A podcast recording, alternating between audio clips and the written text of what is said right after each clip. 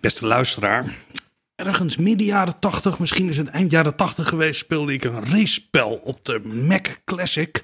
En dat spel heette Acculate. En als je heel hard ging racen en je reed te hard, dan kwam de politie achter je aan. Dus ik was heel slim door vooral niet te hard te gaan rijden, anders word je aangehouden door de politie. Het duurde echt, echt wel een lange tijd dat ik erachter kwam dat als je nog langer hard ging rijden, dat je de politie kon afschudden. Niet heel lang daarna speelde ik het spel Carmageddon, waarin je door mensen heel hard dood te rijden extra tijd kreeg en uiteindelijk daarmee kon winnen. De gamewereld lijkt soms een hele andere wereld, een die losstaat van de echte wereld. Maar dat is natuurlijk niet zo. En vandaag gaan we het hebben over de manier waarop de gamewereld overloopt in de andere wereld. En dan vooral op het gebied van het recht en strafrecht. Dit programma wordt mede mogelijk gemaakt door Amsterdam University Press. Vanuit Amsterdam is dit Onder Media Doctoren, de podcast waarin communicatiewetenschappers zich verwonderen over de media.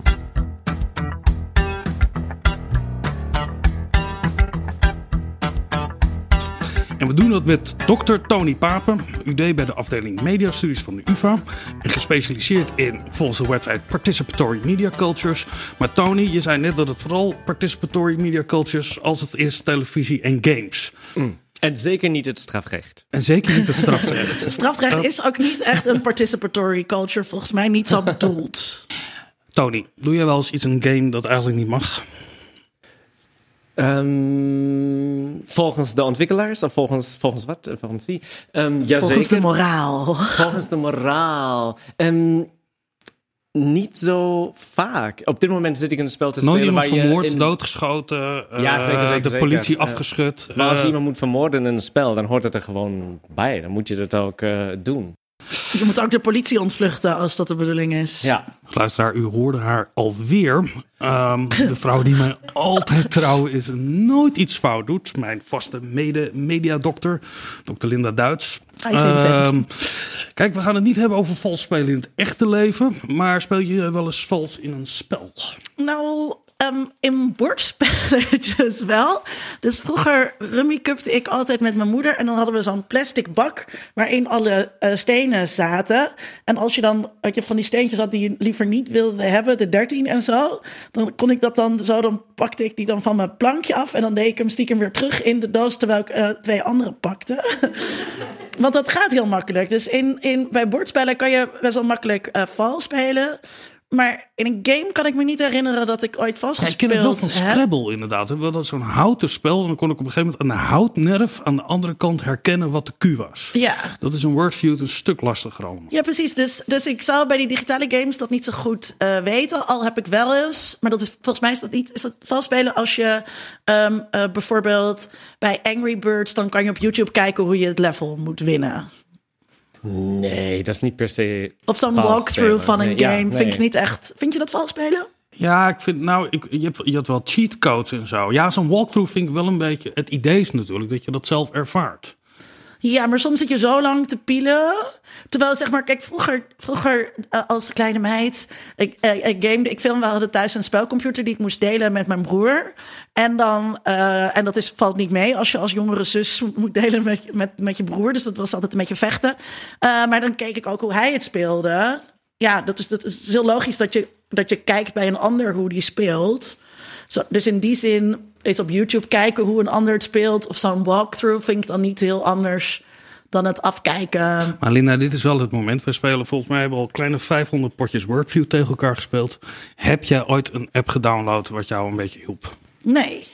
Dat snap kan ik je al. zien op mijn telefoon. Nee, ik kan het En ook zien omdat je heel vaak verliest. ik bijna nooit van je. Ja, heb jij zo'n app? Nee, nog nooit gedaan. Ik zou me echt kapot schamen. Als je dat had. Als ik dat had geda- gedaan. Ja. al doe je dat maar één keer, dan dat zou ik wel van grote schaamte zou ik dan hebben. Maar, ja, nou vooral omdat ik tegen iemand speel die ik ken. Ik kan me wel voorstellen. Ik Maar heb je dan vroeger, toen je, toen je, toen je spelletjes speelde of gamede met je broer, speelde je dan nooit vals? Nou, ik weet Ben je wel daar dat echt verheven boven? als er zo'n high score... Heel vroeg had ik zo'n van die consoles. En, en dan had hij een hogere op de Donkey Kong 2. en dan had hij een hogere score dan ik. Dan haalde ik wel even het batterijtje even los eruit... zodat de high score weer gewist was. En ik weer de nieuwe high score eh, kon hebben. ja, Dat is ook een vorm van vals spelen. dat vind ik erger dan, eh, dan eh, denk ik. Ja, weet ik niet. Ja, nou, het, het- ja, het is wel schandalig natuurlijk. Weet je wat ik vaak doe? Ik ga vaak eh, in een, een hoekje zoeken waar ik kan staan en die andere verslaan. Of ja, eh, en zonder dat hij mij kan verslaan. Weet je, een soort van een truc vinden in een boss fight bijvoorbeeld. Oh. Ehm, die eigenlijk niet bedoeld is, maar dan op die manier Maar dat vind ik gewoon een slim. makkelijkere versie. Ja. Dat is ook gewoon strategisch. ja, maar dan doe je het niet op de Het is ook een manier... beetje laf. Ja, precies. Dat is een beetje een flauwe manier om het te doen. Maar dat is... eh, Ja, maar als je met laf, weet je wel, als je met laf de veldslag wint. Ja, ik ben ik liever laf dat ik blijf leven dan dat ik heroïs sterf. Eh, dat is meer een, een, een, een waarheid voor het leven. Maar je hebt van die Oh, spellen waar je al de- als je daar drie dagen in een hoek gaat zitten wachten. Ik weet wel dat, je, dat ik er pas achter kwam bij Call of Duty. Dat als je, je hebt dan allemaal teamgenoten natuurlijk. Dat als je zelf gewoon achteraan blijft lopen, dat er niet zo heel veel gebeurt. Dus je wordt wel gedwongen in een heroïsche rol. ja. En ik vond wel dat mijn teamgenoten altijd van die lafbekken waren. Maar dan speelde je met teamgenoten die door de computer gegenereerd waren, niet daadwerkelijke teamgenoten. Ja, nee, ik heb geen online vrienden. Je hebt mij, wij spelen Wordfeud. Ja, dat is waar, maar dan kan je weinig mensen doodschieten. Ehm, Tony, we gaan het hebben over, eh, over games en over, eh nou ja, over vals spelen daarin. Eh, maar eerst moeten we eens even kijken over wat voor games we het eigenlijk hebben. En misschien ook over de verdienmodellen die erachter zitten. Want daar zit natuurlijk een hele duidelijke relatie over hoe je daar misschien ook wel het strafrecht kan tarten. Ja, Ehm. ja, want het hangt een beetje vanaf wat er mogelijk is in zo'n spel. Bijvoorbeeld op- consoles is het heel moeilijk om daar een mod eh, of een eh, bot of zo te installeren, omdat het helemaal afgeschermd is door de makers. Dus, ik zou niet ehm, weten hoe je, hoe je aan die achterkant komt van een. Je kan, je, met een console heb je alleen maar je, je, je PlayStation vooruitpijltjes en drie hoekjes waarop je kunt drukken. Ja, Dus je kan daar niet echt iets in programmeren. Ja, eh, er zijn wel cheats in sommige games. eh, en ook heel veel voor grote games dat je oneindelijk eh, wapens of gezond health points hebt of zoiets. Dus cheats zijn er wel, maar dat je nog een extra programma of zoiets kan installeren, dat is bij console, spel- op de console heel moeilijk. En dat is dus, dat speelt meer bij ehm, PC gaming. Daar kan je dus van alles downloaden en, ehm, en installeren wat je misschien helpt. En wat dus nu langzamerhand eh, minder ehm, legaal wordt. Ja, eh, dat is dus iets heel eh, belangrijks. We hebben het dus vaak over ehm, wat die bots en mods aangaat, over ehm, over PC-gaming. En wat vals spelen binnen grote multiplayer games betreft, hebben we het dan ja, over eh, MMORPG's, dus Massive Multiplayer Online Role-Playing Games. Ehm, Morgs. ja, en Want altijd, dat hoor ik altijd in mijn hoofd als ik dat lees. Dan word ik dus altijd morgs. Als een soort orks, maar... En daar heb, je dus, daar heb je dus chats, de chatfunctie en allerlei andere soorten van manieren om te communiceren. En daar is dus eh, de vraag van, nou ja, hoe ga je om met andere mensen binnen die speelwereld? Daar wordt dat dus belangrijk. Maar dat kan zowel op PC's als op eh, consoles ehm, zijn. Want we Ja. begonnen net ook een beetje met... eh, of ja, Vincent begon met, met, met spelletjes van vroeger. Eh, en die speelde je ofwel... Ik ben nooit heel veel verder gekomen dan dat Ja, eigenlijk. Ja. eh, eh, die speelde je ofwel in je eentje, of soms met een vriendje of een buurjongen erbij, of meisje, dat hoeft niet per se gender te zijn. Ehm, eh, maar, dat, maar dat was het. En eh, ehm, deze, toen hadden we het natuurlijk ook over, over vals spelen, maar deze vraag eh, was een van de vragen die we bedacht hebben eh, eh, samen met onze redacteuren toen we zaten te brainstormen voor een nieuw seizoen. En het is wel echt iets wat, wat recent zeg maar een rol is gaan spelen. Dus het is niet iets wat in de tijd dat, dat ik veel gamede, toen ik studeerde, ehm, was het eigenlijk niet. Want toen had je dus niet die online spellen waar je tegen elkaar speelt. Je kijkt me heel verbaasd aan, Vincent. Ja, ik zit even na te denken over. Want dat had je ook in het begin had je toch al mogelijkheden. Ik kan me herinneren dat je bij Carmageddon, en dat is toch eens midden jaren negentig, kon je ook bepaalde veranderingen, mods erin doen. Dat het spelletje opeens wel heel erg racistisch werd. Ja, dus dat, dat, dat, die mods die zijn er al wel langer. Maar ehm, en natuurlijk die, die eh, Massive Online uh, roleplaying games, die zijn er ook al langer. Dus vroeger had je die in tekst uh, variant. Dus zonder dat er beeld was, dan kwam je gewoon een soort chatroom in. en daar stond dan, je bent nu in het woud. en er waren dan andere mensen waarmee je kon chatten. Maar het heeft natuurlijk een enorme vaart genomen in de afgelopen jaren. Dus die vraag eigenlijk van, weet je waar we vandaag mee zitten van... in hoeverre geldt dat strafrecht nou eigenlijk voor games? Of hoe lopen die werelden in elkaar over? Die is pas re recent relevant geworden omdat die, uh, uh, die spellen zo groot zijn geworden, omdat zoveel mensen dat online spelen. Ook volgens mij, ook omdat er veel geld mee gemoeid is geraakt. Dus er zijn ook die, die game-industrie er geëxplodeerd. En ook omdat er binnen de games uh, veranderende, veranderde verdien, uh. Maar misschien moet jij daar wat over vertellen, Tony. Ja, ja dat is dus ook heel belangrijk, omdat, omdat je vandaag spellen niet meer per se um, in de winkel koopt, maar ook online gewoon kan downloaden. En dan download je niet, of je koopt dan niet uh, per se het hele spel, um, maar je koopt misschien een downloadable content, een, een uitbreiding van het spel. En uh, dat is dus heel belangrijk voor de hele discussies over lootboxes. Dat je dus soms. Um, Wat zijn lootboxes? Daar komen we het straks wel over te hebben, Vincent. Ja. Maar een van de dingen die dus. Uh, um, belangrijk zijn, is dat je nu heel veel kleine dingen erbij kan kopen. En zoals uh, lootboxes, maar ook een uitbreiding van het verhaal of een, een, uitrusting of wat dan ook. En dat gebeurt meestal door microtransacties. En de microtransacties zijn belangrijk voor onze discussie vandaag, omdat. Um, omdat daardoor eigenlijk de in-game economie dus de, het geld wat je binnen, het, uh, binnen de wereld verdient, heel erg verweven is met de echte economie.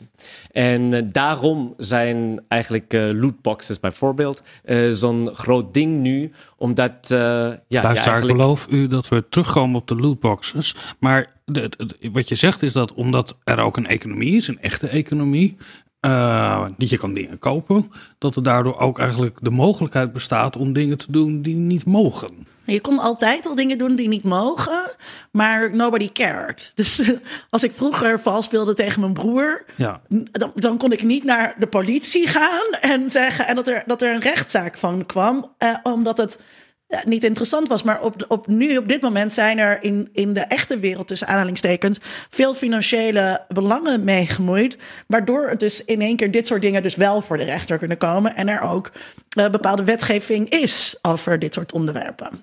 En wat, hoe kan ik dan een uh, strafrechtelijke misstap maken als ik in een game-omgeving zit? Dat is de vraag van vandaag. Ja, maar als we het hebben over die microtransacties waar je het over hebt, kan ik dat dan van iemand stelen? Um, ja, in bepaalde games. Um, nou, dat, daar hebben we het dan weer over hoe dat dan verweven is. Want in het spel zelf zou je dat misschien kunnen doen door iemand te ja, verslaan um, en iets van hem te pakken. Maar dat is dan ook deel, het gevecht tussen die twee mensen is dan ook deel van het spel. Dus dat is dan ja. niet crimineel. Um, maar als je dat bijvoorbeeld op school doet, um, zoals hier in Nederland uh, recentelijk is gebeurd, en je dan iemand uh, dwingt om uh, je een virtueel iets te geven, um, dan wordt het misschien wel um, oh, iets crimineels. Ja. Dus, en dat is dus. Ja. Dat de... Als ik jou in de houtgreep neem, wij zitten te spelen en ik neem je in de houtgreep in, in, achter de computer en jij smeekt om genade, zeg maar wat broers en ja. zussen doen. En dan zeg ik: Oké, okay, ik doe genade, maar je moet me wel al jouw uh, uh, coins geven uit de game. Dan dus als heb ik ik jullie afhandig gemaakt. kleine jongetjes dwongen om geld af te geven om schuimblokken mee te kopen, uh, kan ik dat nu dat ze me ook virtueel dat moeten belonen? Niet, Vincent. Nou ja, daar uh, luister, heeft u ooit bij mij in de klas gezeten en voelt u zich nog steeds belaagd door mij? Laat het weten. Misschien over die, over die microtransacties ook aardig om te vertellen, omdat het dus wel echt. Uh, echt een verandering is in, in hoe, hoe met die games omgegaan wordt. Eh, en dus was het vorig jaar of dit jaar eh, dat er de grote ehm, boycott aangekondigd werd van ehm, Star Wars Battlefield, een EA. eh, waar heel veel fans natuurlijk heel erg naar uitkeken. Die vol zat met die microtransacties. En fans waren dus heel erg boos dat ze niet gewoon iets kochten en dat je het dan had. Maar dat je continu dus nieuwe aankopen moet doen eh, eh, in het spel. En toen hebben... Maar je kan ook niet verder in het spel als je die aankopen niet doet. ehm, Je kan wel, maar dat duurt dan heel lang. Ja. Dat is altijd eh, de manier waarop zich bijvoorbeeld die gameontwikkelaar dan verdedigt. Ja, het zit wel in het spel. ehm, je moet daar alleen een beetje moeite voor doen. En die spelers die zeggen dan, ja, maar dan moet ik honderden van uren spelen om een bepaald iets te ontgrendelen. En eh, dat is in feite een manier om mij, nou ja, te dwingen. ehm, Terwijl je hem ook kan ontgrendelen als je voor 1,50 iets koopt. ja, Oh, maar en, en wordt het dan in die gamewereld gezien als je het zelf hebt bereikt, dus je hebt het niet gekocht, is dat dan ook een vorm van vals spelen? Nee, dat is niet een vorm van vals spelen. Het is gewoon. Het is ook een manier om verschillende soorten van spelers ehm, te trekken. Dus er zijn casual gamers die gewoon niet de tijd hebben. of die geen zin hebben om honderden van uren in zo'n gamewereld ehm, bezig te zijn.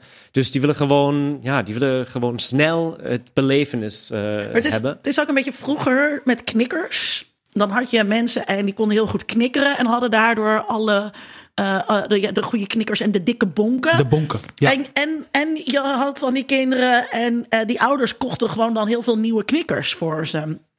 En dat, en Ja, dat, waren- laatste was dan toch een beetje sneu. ja, maar dat was ook ideaal dat er altijd zo'n lullig iemand in de klas zat die de nieuwe knikkers had. Want als Ja, je dan goed kon kon knikken, goed dan kon je ze heel goed afhandig maken. Ja. Ja. ja. Maar we hebben het eigenlijk al een beetje over regels die er zijn in, in, in, in, in de games, de verschillende games. Ehm, wie verzinnen die regels eigenlijk? Die regels binnen de s- Ja. spellen. Ehm, nou, die verzinnen die eh, ontwikkelaars en eh, die moeten gewoon ja, een systeem van regels opzetten dat het mogelijk maakt, eh, nou, als er meer, meerdere spelers zijn, om het voor hen mogelijk te maken om ook een soort van ja, samenleving in het spel zelf eh, te creëren. En daarvoor, daarvoor worden dan ook een heleboel eh, regels opgezet per spel. Maar je hebt dan ook weer, ehm, eh, hoe zeg je dat? Steam bijvoorbeeld is een platform die eigenlijk meerdere spelen uitgeeft. Het is een soort van, nou, het is een distributieplatform. een En soort voor die platformen, ja. Voor die platformen zijn dan zelf ook weer eh, regels. Dus wat mag je zeggen binnen een spel? Wat mag je doen? Ehm, wat mag je eh, zeggen in een forum bijvoorbeeld? Ehm, dus daarvoor zijn ja, een heleboel regels. Maar is dan Steam dat alles wat zij uitgeven moet ook voldoen aan een bepaalde set van regels? eh, dat wat zij uitgeven? Dat of- is ook een beetje ingewikkeld, omdat vooral in de VS, en veel van die spellen komen uit de VS, en Valve, eh, de eigenaar van Steam, is ook eh, volgens mij in, eh, in de VS gevestigd. Ehm, daar zetten ze gewoon heel veel in op recht op vrije meningsuiting. En daar mag dus gewoon alles eigenlijk op internet staan. En er zijn ook gevallen van spellen bijvoorbeeld die heel gewelddadig zijn. Zoals eh, Hatred, dat was een spel van een paar jaren geleden. Ja. Hatred heet die. En daar gaat het gewoon puur om eh, mensen op een heel brutale en zinloze manier eh, verslaan. Dus je gaat op straat en daar is een mevrouw met haar baby in, in de prem. En dan steek je de baby je, je pistool in de mond. En dan, ja, heel stomme dingen. Luister, En- Linda moet hier heel hard om lachen. Ik weet niet wat dat zegt eigenlijk. Dat, eh, En die kwam dus eerst op Steam te staan. Dan wordt die ehm, daar, weer- daar weer weggehaald. Een paar dagen later zei Steam: nee, dat moet kunnen. Omdat het gewoon onder het recht op eh, vrije meningsuiting valt. Dus ehm, Ik vind het heel interessant dat. ehm, eh, dat is echt een andere manier van denken over, de, over die vrijheid van meningsuiting. Ik ben natuurlijk heel veel bezig met eh, eh, porno. En ehm, eh, als het in Nederland gaat over de vrijheid van meningsuiting, dan gaat het bijna al- altijd over politieke meningen, over gesproken woord. ja. Maar in de VS gaat dat veel verder. En eh, eh, daar hebben ze de slag om porno ook gewonnen eh, door een claim te maken op, op, op de vrijheid van meningsuiting. En dan gaat het dus eigenlijk over het laten zien van bepaalde handelingen. Wat toch een andere, andere conceptualisatie is van die vrijheid van meningsuiting dan dat wij hem hier hebben. Ehm, eh, dus voor, voor, vanuit ons perspectief is het denk ik lastig om te begrijpen dat een baby doodschieten met een pistool in de mond, dat dat vrijheid van meningsuiting is, omdat het zo ver weg staat van zowel een mening als een uiting. Maar want ik, ik heb ook ooit begrepen dat spelletjes die zich afspelen in de Tweede Wereldoorlog, waarin eh eh, nazi-symboliek zit, eh, dat je in ieder geval in Duitsland mag je niet als nazi spelen. Mag je alleen maar tegen de nazi's spelen. Oh, echt? En terwijl buiten Duitsland mag je wel gewoon als... eh, Maar in, Duitsland zit die vrijheid van meningsuiting natuurlijk anders in elkaar. Ehm, eh, dus eh, in, in Amerika is de vrijheid van meningsuiting eigenlijk eh, onbeperkt. En eh, in Vooral Duitsland. voor kunst, hè? dat is ook belangrijk voor spellen. Ja. Dat het onder de kunsten valt en daardoor is er ook een breder recht op meningsuiting dan in Maar, maar voor bijvoorbeeld de, de, nazi-symboliek is in Amerika wel toegestaan en in Duitsland niet. Dus, en in Nederland ook niet. Dus onze vrijheid van meningsuiting wordt sowieso beperkt door een aantal gevallen waar, waarin gezegd wordt dat mag niet. Dus hier mag je bijvoorbeeld geen Hitlergoed uitbrengen. eh, je mag geen. Eh, eh, bepaalde dingen mag je hier ook niet zeggen. Dus bijvoorbeeld ook het, het, het aanzetten van haat tegen groepen wer- we- we- weegt in eh, Nederland en Duitsland zwaarder dan dat het weegt in Amerika. En zijn er voorbeelden ook van, want zo'n spel als Hatred, eh, dat mag in Nederland wel gespeeld worden. Dat is niet verboden, neem ik aan. Maar is er een grens? Zijn er spellen die je niet in Nederland mag spelen? Omdat ze eh, racistisch zijn of aanzetten tot haat of aanzetten tot geweld. Oh. Ik heb dat nooit gehoord. Ja, dat weet ik ook niet. ehm, weet ik ook niet zo precies. Maar eigenlijk, dat hatred is een uitzonderlijk geval. En dat is ook eh, gemaakt door, ehm, nou ja, door een paar jongens. eh, eh, onafhankelijk dus, een independent. eh, Ja, het zijn game. grote uitgeverijen die Ja. dat... eh, En meestal zorgen de ontwikkelaars en de uitgevers die hun geld daarin investeren wel ervoor dat ehm, die spellen, nou ja, de grenzen een beetje eh, eh, respecteren. De grenzen van de moraal misschien. Ja. eh, respecteren. En daar is dus, dus een bepaalde manier van zelfcontrole ook ehm, die daar speelt. En juist om wetgeving te voorkomen, juist om te voorkomen dat de wetgever gaat zeggen: kijk, hier moeten we, wij nu ehm, iets doen om ja, te gewelddadige spellen te, te voorkomen. Dat is, ik vind dat dus ook wel interessant. Ehm, je hebt dus een, een leeftijdsrating systeem voor games. Wat, eh, wat ik uit mijn proefschrift weet. Wat dat met 11, 12-jarige kinderen was. Voor, voor die kids precies hetzelfde werkt als de parental advisory. eh, eh, die op CD's. Supercool, ja. Super cool. Dus op het moment dat een game 18 plus is. nou, bijvoorbeeld Grand Theft Auto is 18 plus alle coole kinderen uit mijn groep 8, waar ik onderzoek deed, die wilden dat spelen. Die waren dus 11, 12, wat echt wel vet onder die leeftijdsgrens is. En ehm, eh, zo'n spel kan dan zeggen: nee, maar het is oké, want het is 18 plus. En als je 18 plus bent, dan, dan kan je blijkbaar alles aan of dan mag je alles. Eh, terwijl ja, zo'n zo'n leeftijdsrating natuurlijk niet gehandhaafd wordt bij de Intertoys die die games verkoopt, of online niet, of ouders die kopen dat voor hun kinderen. Dat, dat, dat, Maar dat is een soort kijkwijzer, maar dan voor games. ja. En, en wie maakt dat? Wie bepaalt of het 18 plus is of 12 plus? Of... Eh, dat hangt af van waar je bent in de wereld. In Europa is het PEGI. Ehm, dat is dus ehm, de Pan-European Game Information, afgekort PEGI. En die bepalen voor welke leeftijd een spel nou ja, eh, geschikt is. Maar dat is dus niet. Europees georganiseerd. Maar dat zijn eh, game, gamefabrikanten zelf, toch? Die daarin zitten. Volgens mij is het zelfcontrole, maar dat heeft wel een officiële eh, functie. Ja, dit, het zal wel hetzelfde werken als bij de is een soort vragenlijst die je af moet gaan en daar rolt dan een bepaalde leeftijdscategorie uit. Maar dat gebeurt dus op Europees niveau. Dat is anders dan bijvoorbeeld de kijkwijzer, die eh, toch echt op Nederlands niveau, eh, de NICAM. Ik weet niet hoe dat, eh, hoe dat zo tot stand is gekomen, maar het lijkt me volgens mij is die PEGI-rating een initiatief vanuit de gamewereld zelf. Dus En die met hebben, ouders ook eh, verbonden, met ou- ouders van de... Ja, maar dus- dus dan hebben ze er baat bij om dat op Europees niveau te regelen en niet op nationaal eh, niveau. En hoe het volgens mij vaak gaat bij dit soort dingen op het moment dat je als industrie zegt we gaan onszelf reguleren, dat overheden dan zeggen dikke goed, want dan hoeven wij het niet te doen. En dan kan je natuurlijk allerlei dingen permitteren die jou goed uitkomen. En dit is natuurlijk, je wil natuurlijk niet uh, als Amerikaanse gamefabrikant uh, dat, het, dat in het ene land je op 16 zit, in het andere op 18, in het andere op 12 dat dat gewoon één interne markt één keer geregeld is. Ja, maar ik, ik hoorde laatst over een spel dat zich afspeelde in de Eerste Wereldoorlog. Maar dat zal bij heel veel spellen zijn. Waarin je de mate van, van, van gruwelijkheid eigenlijk kan aangeven. Wat je nog wil zien en wil horen.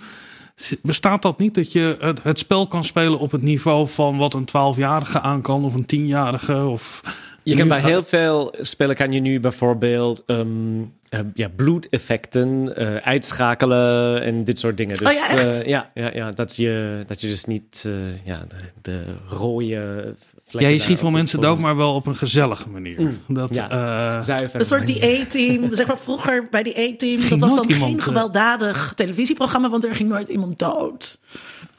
Ik denk dat het tijd is dat we gaan luisteren naar een gamer. Een gamer. Een echte gamer. En dan hebben we een interview uh, meegemaakt. Ja, ik ben dus uh, Jam. Ik ben uh, ICT'er van beroep. En uh, ja, ik heb wel een en ander wat te zeggen over, over games, zeg maar. In general als semi-game verslaafde. dus vroeger was ik dus wel, heb ik veel gegamed. Ik game nog steeds af en toe een beetje.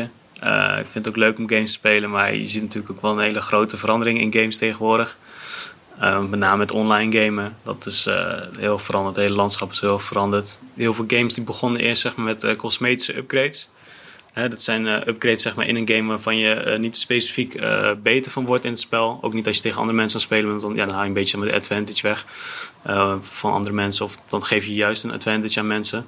Een nieuwe ontwikkeling is dus het lootbox. het is een beetje ja, het, het, het, het ja, het gokelement, zeg maar. Uh, je hebt nu zeg maar de kans, dus als je zoveel uur een spel speelt, uh, krijg je een beloning. En daar kan bijvoorbeeld een cosmetische upgrade in zitten.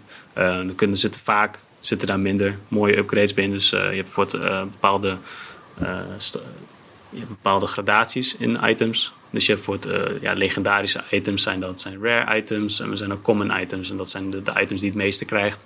Af en toe krijg je bijvoorbeeld een legendary item. 1 op de 20, misschien 1 op de 50 keer. Misschien wel vaker. En daar spelen game developers heel erg op in.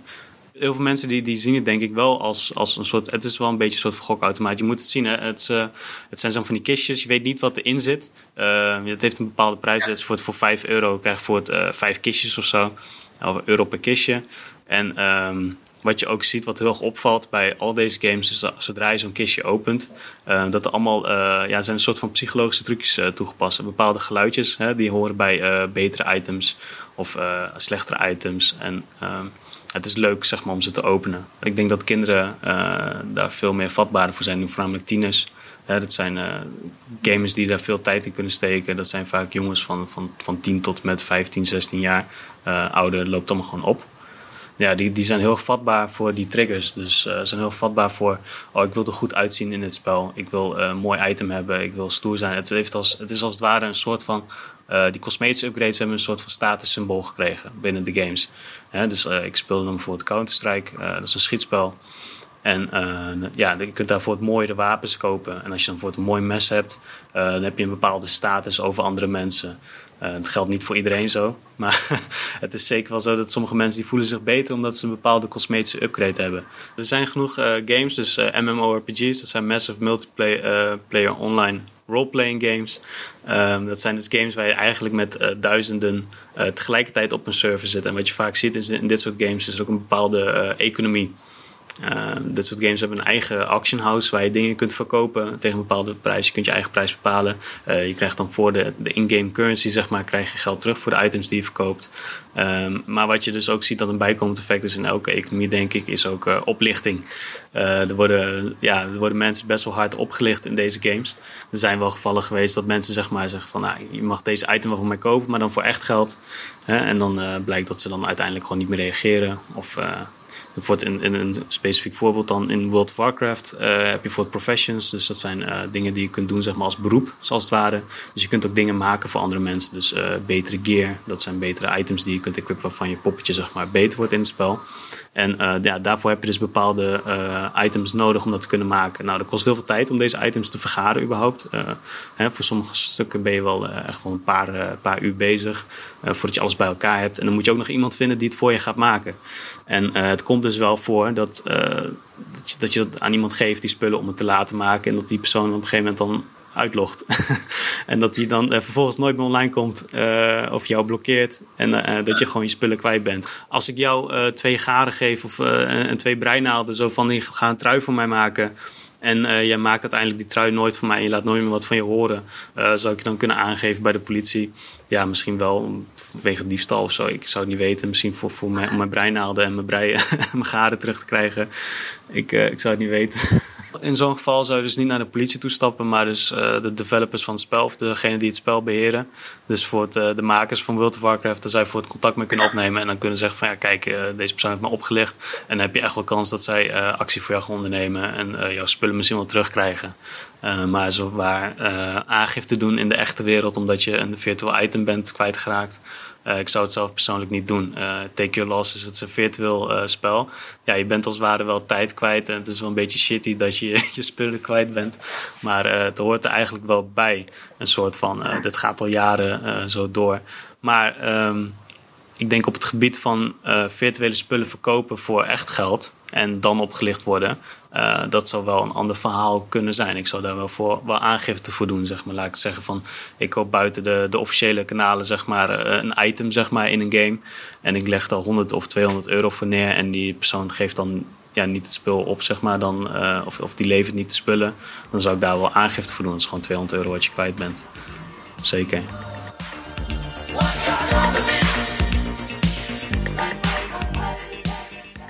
Tony, Cem heeft het erover dat uh, als je opgelicht wordt in een, een, in een spel, dat je dan eigenlijk eerst naar de, degene door wie je opgelicht wordt uh, boos gaat worden. Uh, en dat je daarna naar, naar de ontwikkelaar kan stappen. En pas later de politie.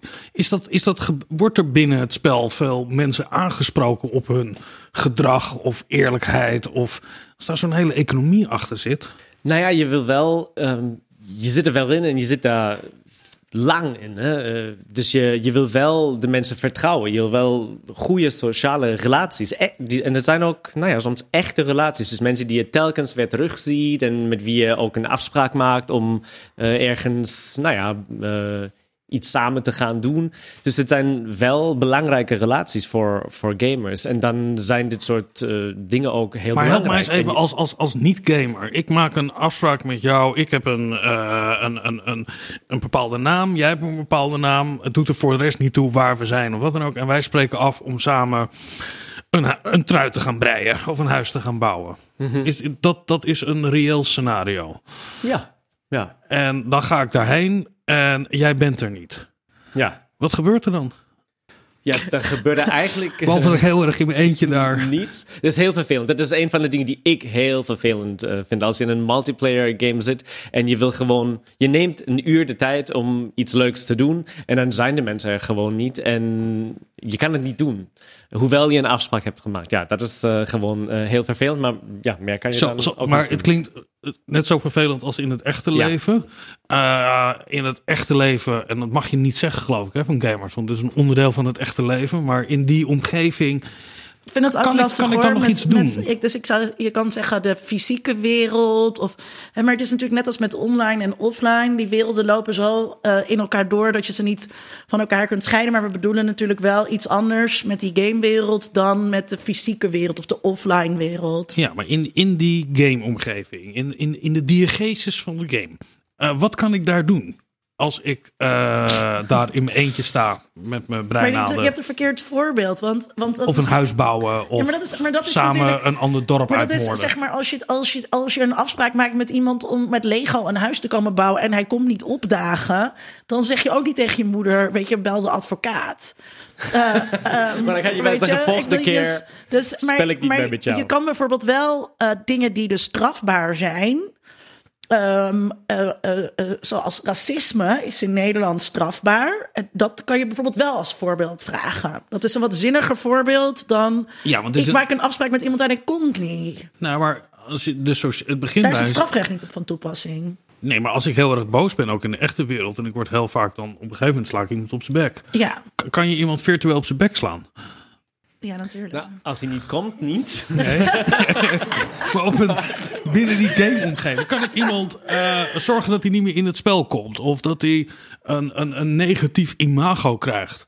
Nou ja, kan dat kan, je wel kan doen. ik iemand Ehm, shamen op een of andere manier? Ja, zeker. Met eh, die andere mensen met wie je gaat spelen, kan je wel zeggen: die is niet betrouwbaar omdat hij dit of dat doet. En eh Cem heeft in het interview ook een paar andere eh, voorbeelden gegeven: van je geeft een paar items aan iemand en om, zodat hij daar iets mee gaan, kan doen voor jou. En dan doet hij het niet. Nou ja, dan weet je, met die ga je niet meer spelen. Ehm, en je gaat misschien ook aan je andere eh, league-collega's of teamcollega's zeggen: ja, kijk, die laten we even erbuiten.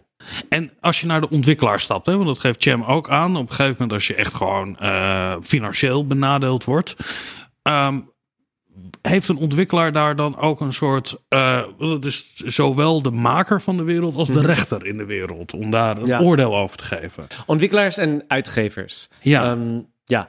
En die, die doen het ook. Die hebben dus eh, hun license agreements. Dus eh, ergens, wanneer je het spel voor het eerst speelt, klik, klik je daardoor en dan klik je oké, oké, oké, oké. het burgerlijk die- wetboek van het spel. Ja. Ja.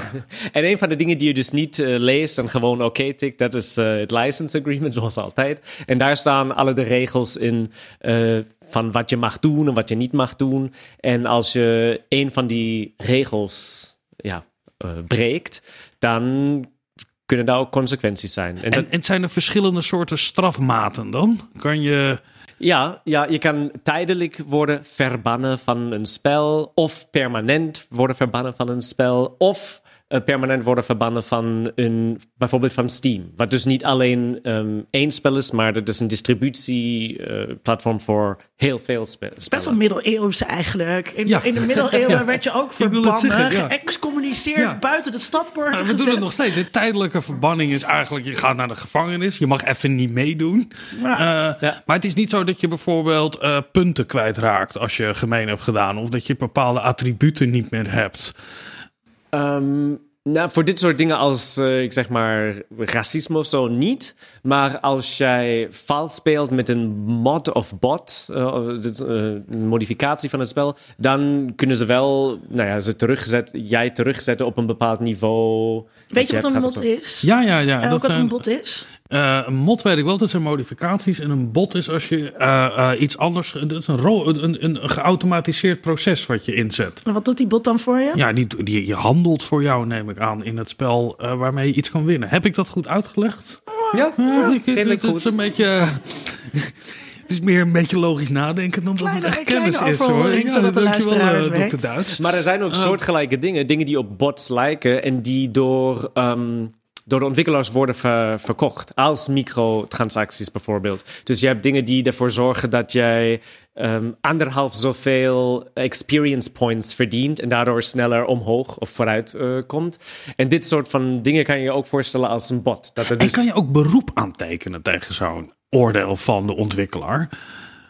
Ehm, is dat- dit, gebeurt dan vaak in fora. Dus eh, als je een beetje naar de Steam fora Ja. eh, kijkt, daar zeugen de mensen dan. Ik eh, heb een ban opgelegd gekregen en wat kan ik dan nu doen? Ehm, wat, ja, wat voor soort van beroep zijn mogelijk? Maar meestal ja, komt het erop neer dat uh, niet veel is. Als je racistisch onderweg bent geweest, dan, nou ja, is het gewoon voorbij voor een paar, paar ja, weken. Of, En wat, eh, wat het, het- en, eh, het- want we hebben het over racisme, maar ook eh, terreur, pesten, mensen buitensluiten. eh is dat ook strafbaar binnen die gameomgeving?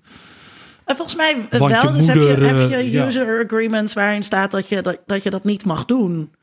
Ehm, kijk, ik, wat, ik, wat ik wel interessant vind, waar jij natuurlijk ook een beetje op doelt, is dat ehm, in eh, in, de, in de juridische, in de, in de echte wereld, om het even zo te noemen, heb je eh, natuurlijk een, een strafrecht. En eh, dat, is een, een, een recht, de rechtsprekende macht staat los van de wetgevende Ja. macht. En zo hebben we dat geregeld. En er zijn allerlei beroepsprocedures die je daarin kan gaan. Om te zorgen dat je niet op een middeleeuwse manier eh, verbannen wordt. En eh, dat is hier natuurlijk niet. En ik kan me dus ook heel goed voorstellen hoe voor zo'n gamer dat ontzettend oneerlijk voelt. Als je iets hebt gedaan en je hebt eigenlijk geen goede manier om je te verweren eh, daartegen. Misschien. Weet je wel, heeft je broertje wel ingelogd met jouw account? Eh, en heb jij het dus niet gedaan? Hè? En in een, in, een, in een rechtszaak zou je daardoor eh, vrijgepleit worden door je goede advocaat. En in dit geval eh, eh, is dat natuurlijk niet. En dat is, en dat is heel erg oneerlijk, omdat die twee dingen niet van elkaar gescheiden Ja, en zijn. de, bewijsla er is, de bewijslast ligt ook bij. eh, de- tenminste, de ontwikkelaar kan gewoon zonder. Er is geen proces. Er is geen proces. Ja, maar je krijgt wel een paar waarschuwingen. Dus het is niet zo dat je één keer iets verkeerds doet eh, zonder het misschien te weten. En, eh, en dan mag je het spel nooit meer spelen. Er zijn wel meerdere stappen. Ehm, En dat zijn ook daadwerkelijk mensen die die spellen volgen. Of dat zijn, word je dan gemeld door medespelers van deze speler die drukt zich racistisch uit. Of die heeft volgens mij een bot lopen of dat soort dingen. kan op meerdere manieren. Sommige dingen worden ook door algoritmes eh, al. ehm, eh, ja, Gaan we in de echte wereld ook niet doen natuurlijk, hè, ja, uiteindelijk. Maar, En, eh, maar je kan het ook melden als iemand eh, ja, vals speelt of zich op een onacceptabele manier gedraagt. Ja, dus een, eh, ja, je, je kan iemand verraden. ja absoluut. Dat is een hele onaangename wereld. En Eh, wordt, hier veel, wordt, hier veel, wordt hier onderzoek naar gedaan ook? Wordt, zijn er mensen die, die, eh, die etnografisch meelopen en kijken hoe dit eh, gebeurt? Ja, ja ook eh, heel veel. Dat is eigenlijk een van de grotere velden van, van onderzoek hierna. En juist etnografisch om te kijken, ja, hoe, ziet hoe gedragen zich mensen in die wereld? En wat vaak terugkomt is dat eigenlijk het gedrag niet zozeer verschilt van hoe mensen zich dan ook in de echte wereld weer gedragen. Dus heel veel racistisch gedrag, bijvoorbeeld, volgt de patronen van nou ja, het racistisch gedrag dat wij ook eh, uit de echte wereld kennen. Ja. ja. En, en is er een ontwikkeling, tenminste wat ik fascinerend vind aan het idee als mensen daar heel veel tijd besteden, dan wil je op een gegeven moment ook bepaalde rechten hebben. Ehm, wordt de discussie over wat rechtvaardig is in de spelregels en een ban die je kan krijgen of niet, ehm, zit daar een voortgang in, in die discussie? Het is een hele lastige vraag hoor, maar ehm, Ja, ehm, een voortgang. Nou, ik zou zeggen, nee, eigenlijk ehm, weinig. Omdat het gewoon een proprietary iets is. Dus eh, het spel, je hebt het recht om het te spelen. Je hebt er dus toegang door een kopie te hebben gekocht. Maar het spel is van eh, de ontwikkelaar en de, de uitgever. En zij zijn ook verantwoordelijk om een eh, omgeving, een safe omgeving eh, te scheppen voor iedereen. Dus, en door de, de, het user agreement te accepteren, heb je gewoon toegestemd dat eh, dit soort dingen mogen worden Maar gedaan is- als jij je Maar op heel veel Maar er is toch wel verzet. Dus eh, wat je, wat je eh, hè, dus de, de, de weerstand die er een beetje is op zo'n forum. eh, maar ook zo'n boycott als tegen EA is toch ook wel eh, hoe gamers. Net als bij eh, eh, Star Wars fans van de, van de serie, uiteindelijk toch ook wel macht hebben om tegen zo'n producent in te gaan en te zeggen: Oké, we slikken al je regels, maar dit gaat te ver. Dit is echt onrechtvaardig. Ja. Ja, maar dat is dan geen regel voor ehm, hoe de spelers met elkaar moeten omgaan. Dat Ja, is precies. een Ja, ja, ja. regel van het spel zelf. En een, een regel die als, eh, ja, als unfair Ja, wordt ja je zal niet zo snel zien dat, dat spelers in opstand komen tegen. eh, ehm, je mag hier niet pesten of je mag hier niet racistisch Ja. Maar jij schetst eh, de omgeving, dat is eigenlijk van de ontwikkelaar en je mag daarin in meedoen. Terwijl ook heel veel spellen eh, gemaakt worden door de speler zelf. eh, als user-generated content. dat Die, daar, eh, die, die die wereld verder bouwen en ontwikkelen. Zeg nog eens user-generated content. User-generated content.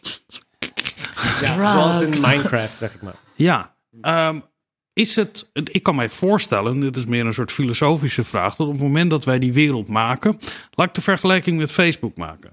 Facebook is natuurlijk ook gewoon een platform waar wij gast mogen zijn, waar wij zelf dingen mogen neerzetten. En daar hebben we wel de discussie over gekregen. Die wereld die daar is, is niet van Mark Zuckerberg. Uh, daar gaan hele duidelijke regels moeten daarover zijn. Sterker nog, er zijn hele debatten over of daar over fake news en. en maar over en, wat voor en- regels heb je het? Want die zijn er natuurlijk helemaal niet. Nou ja, er wordt nu in de Verenigde Staten over gediscussieerd. Ja, maar die regels zijn er nog niet. Die zijn er nog niet, nee. Nou, dat Maar- zei je. je ja, zei, maar- er zijn hele duidelijke regels over. nou ja, maar dat er wordt nu heel erg nagedacht over waar die verantwoordelijkheid ligt. En die verantwoordelijkheid ligt ook bij de mensen die er gebruik van maken. Maar het is, dus, het is dus heel interessant dat Facebook de hele tijd zegt.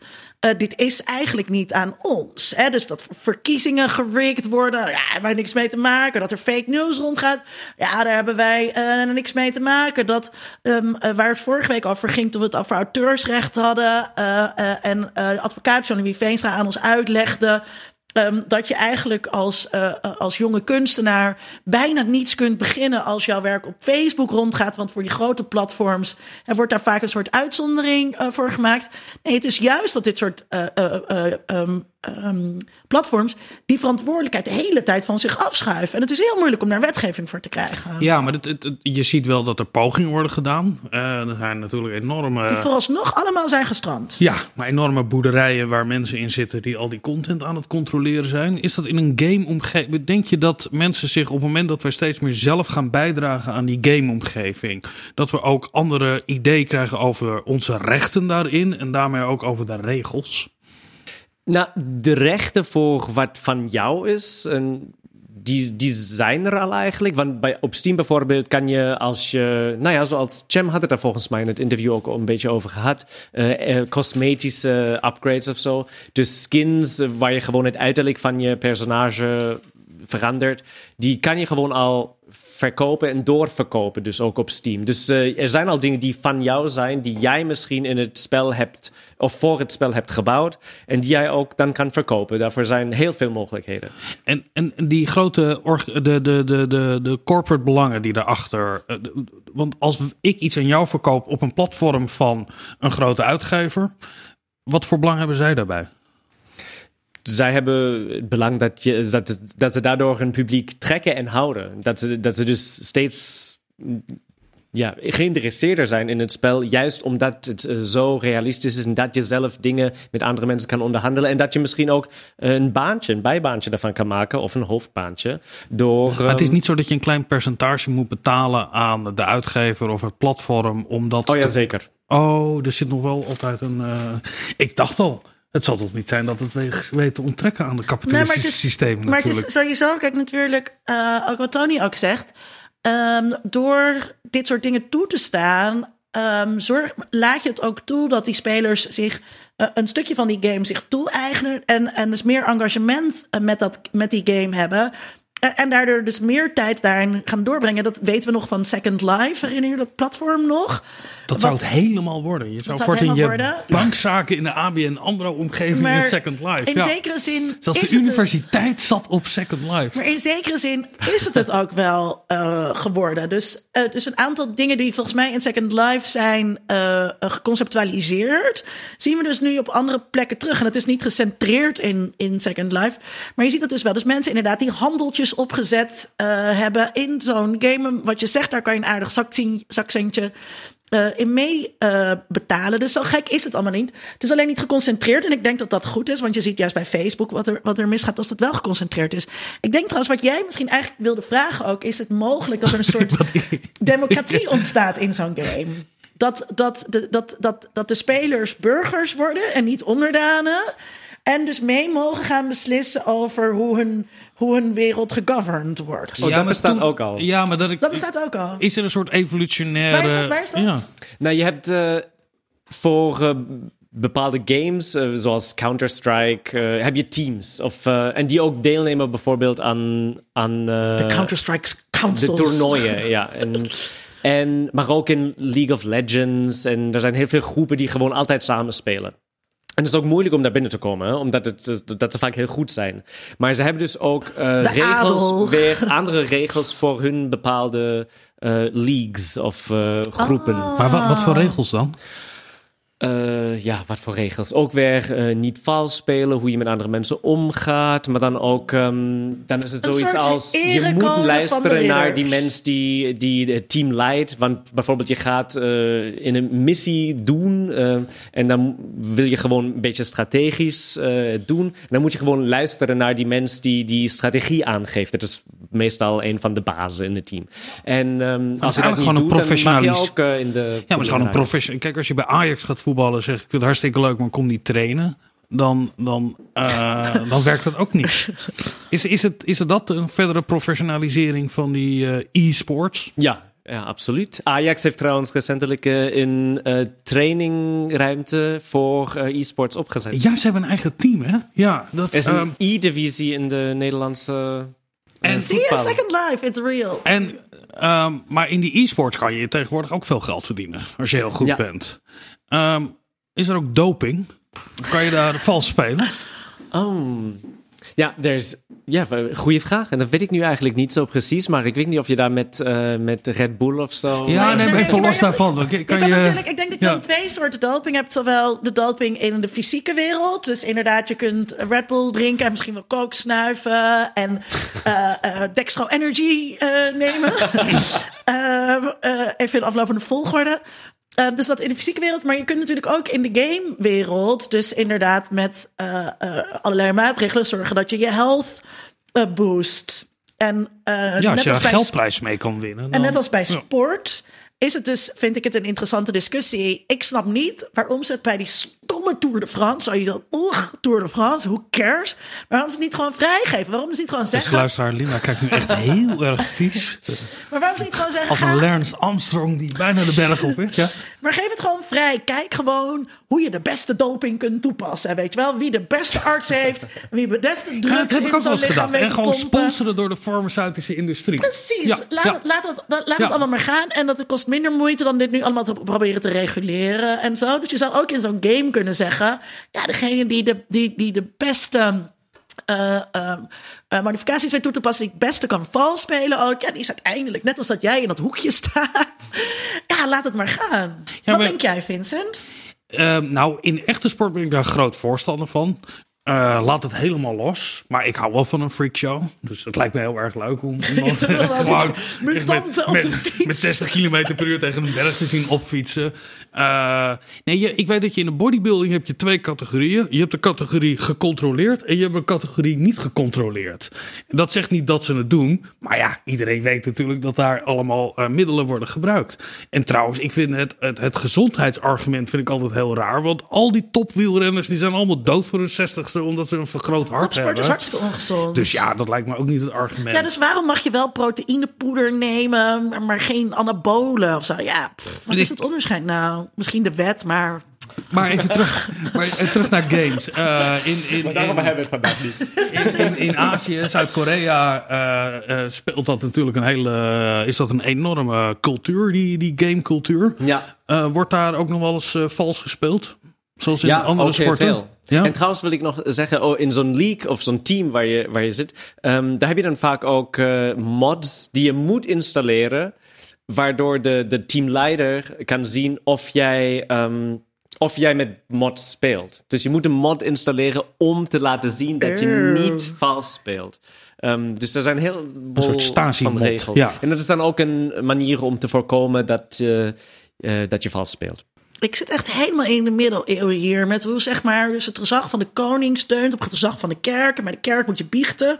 Dat wordt dan allemaal weer doorgespeeld. Sorry, ik ging even Ja. Foucault. Maar in, in zo'n heel grote eh, ja, speelcultuur als in Zuid-Korea is natuurlijk vals spelen dan ook veel belangrijker. Omdat er eh, iedereen zijn, zijn geldje wil verdienen. En, eh, en nou ja, heel veel economische belangen eh, ge- gewoon ook zijn. Hoe zitten die economische belangen dan in, in elkaar? Moet ik me dat voorstellen? Dus je hebt daar een gamer, die is, hoe, hoe verdient hij dan zijn geld? Is dat met sponsoring? Of... Ja, nou, gamers kunnen geld verdienen op YouTube door sponsoring en door eh, reclames. Ze kunnen geld verdienen door... Door die eh, Let's Play eh, video's heten die toch? Ja. Do- Door te laten Dat is- zien hoe goed ze kunnen gamen. Ja. Ja. Ik kijk video's. Dat is één manier. Je kan dus eh, items doorverkopen, verhandelen met andere mensen. Je kan voor een uh, e-sports liga uh, of een team uh, spelen en daardoor geld verdienen. ja, heel veel verschillende dingen. Maar en die, die overlappen ook die economische interesses. Hè? Je hebt dus de ontwikkelaar, de uitgever, die gewoon willen dat het spel goed loopt. En als het te veel vals wordt gespeeld, dan loopt het niet zo goed. Je hebt de mens, mensen die zelf spelen en die ook gewoon hun geld willen verdienen dan misschien. En niet willen dat andere mensen vals spelen. En als het... Um, als er zoveel vals spel is, dat het echt een probleem wordt voor het spel in zijn geheel, dan, of voor de spelcultuur in zijn mhm. geheel, dan komt er ook de wetgeving. En in Zuid-Korea, uh, net zoals je al uh, bedoelde misschien, um, is er nu een wet die uh, vastlegt dat je als je bepaalde mods of bots installeert en daarmee spelt, dat je daar dat het gewoon crimineel is. Echt waar. En dat je tot de 50.000 dollar, was het uh, omgerekend volgens mij, uh, moet betalen. En misschien ook tot vijf jaar uh, in het gevangenis kan zitten. Ik, ik, ga het gewoon nog eens een keer herhalen, omdat ik het echt een waanzinnig verhaal vind. Dus op het moment dat ik vals zit te spelen in een gameomgeving, door dingen te installeren en wat dan ook, ben ik gewoon in de echte wereld strafbaar en met enorme economische boetes en ik kan het gevangenis ingaan. Waarom vind je dat zo moeilijk te geloven? Nou ja, omdat ik natuurlijk het een spel als een soort uh, uh, niet, echt, niet echt zie. Kijk, als daar economische belangen aan gekoppeld worden, dan wordt het natuurlijk heel logisch. Kijk, als je online beurshandel hebt en daar gaat lopen uh, dingen doen, of met bitcoins, dan snap ik het heel erg. Dus terwijl ik aan het uitleggen ben waarom ik het niet snap, snap ik het wel. Ja, ja ik, ik, ik, ik vind dat dus heel interessant dat er pas zo laat aan het licht is gekomen dat er misschien. Oh, er valt een camera bijna om. Dat er misschien bij de FIFA, bij de voetbal. Wel aan match, uh, fixing, match fixing wordt gedaan. Hallo, natuurlijk. weet je, er spelen enorme financiële belangen. En op het moment dat dat weet je wel, ik bedoel, je hebt toch wel eens zo'n ouderwetse film gekeken met een bokswedstrijd. Weet je, natuurlijk gaat dat spelen. En dat is hier ook. En ik denk dat heel veel mensen, en natuurlijk niet onze luisteraars, maar dat heel veel mensen zich niet realiseren hoe groot die game-industrie is gegroeid. En ook als je kijkt naar de afleveringen van Onder Media Doctoren, hebben we het bijna nooit over games. We hebben het heel veel over journalistieke onderwerpen. Maar ook bij ons staat het een beetje uh, uh, ver van ons weg. En net als die hip-hop waar we het laatst over hadden. Terwijl dit is wel echt echt een belangrijke uh, industrie binnen populaire cultuur. We hebben het gehad over ongure en onbetrouwbare types. En dat is een kleine stap naar Tom en naar Rien. En die maken een item over roven.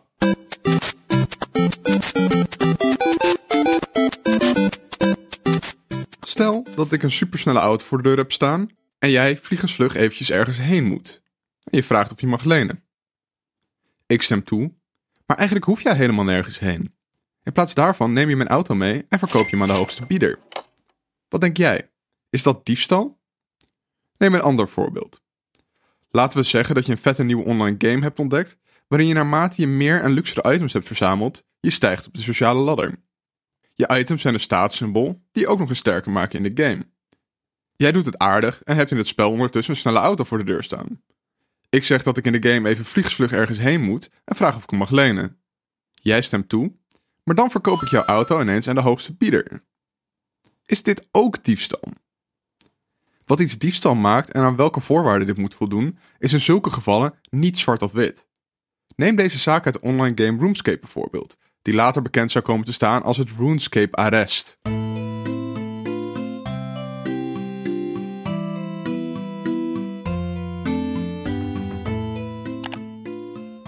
Een jongetje van 13 speelt het spel al een tijdje en heeft ondertussen een masker en een amulet die hem heel sterk maken. Een paar van zijn klasgenootjes zijn ongelooflijk jaloers dat hij deze zeldzame items heeft gevonden en besluiten dat ze het van hem gaan stelen. Dit kan alleen niet in de game zelf. In plaats van hem in de game te beroven, besluiten ze hem na school klem te rijden en onder dwang mee te nemen naar een van hun huizen. Daar laten ze hem inloggen in de game en proberen ze hem zijn spullen op de grond te laten vallen. Zo kunnen zijn klasgenootjes vanaf hun eigen accounts die items weer oppakken. Stompen en slaan doen het jongetje vrij weinig. Hij houdt wanhopig vast aan zijn spullen. Maar zodra ze er een mes bij pakken, breekt hij toch. Als de ouders van het jongetje horen wat er gebeurd is, gaan ze samen aangifte doen van geweldpleging en bedreiging en ook van diefstal. Maar kan je iets virtueel eigenlijk wel stelen? Feitelijk is iets alleen strafbaar als dat zo in de wet staat natuurlijk. En in die wet spreken ze van diefstal als er een goed wordt weggenomen.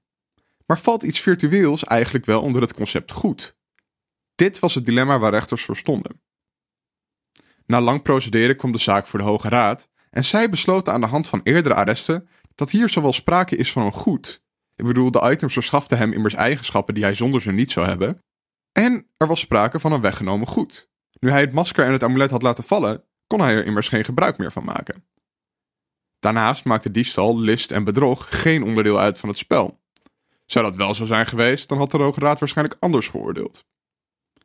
Uiteindelijk kregen de daders een taakstraf van 114 uur. Of de jongen zijn amulet en masker ooit heeft teruggekregen, is alleen niet duidelijk.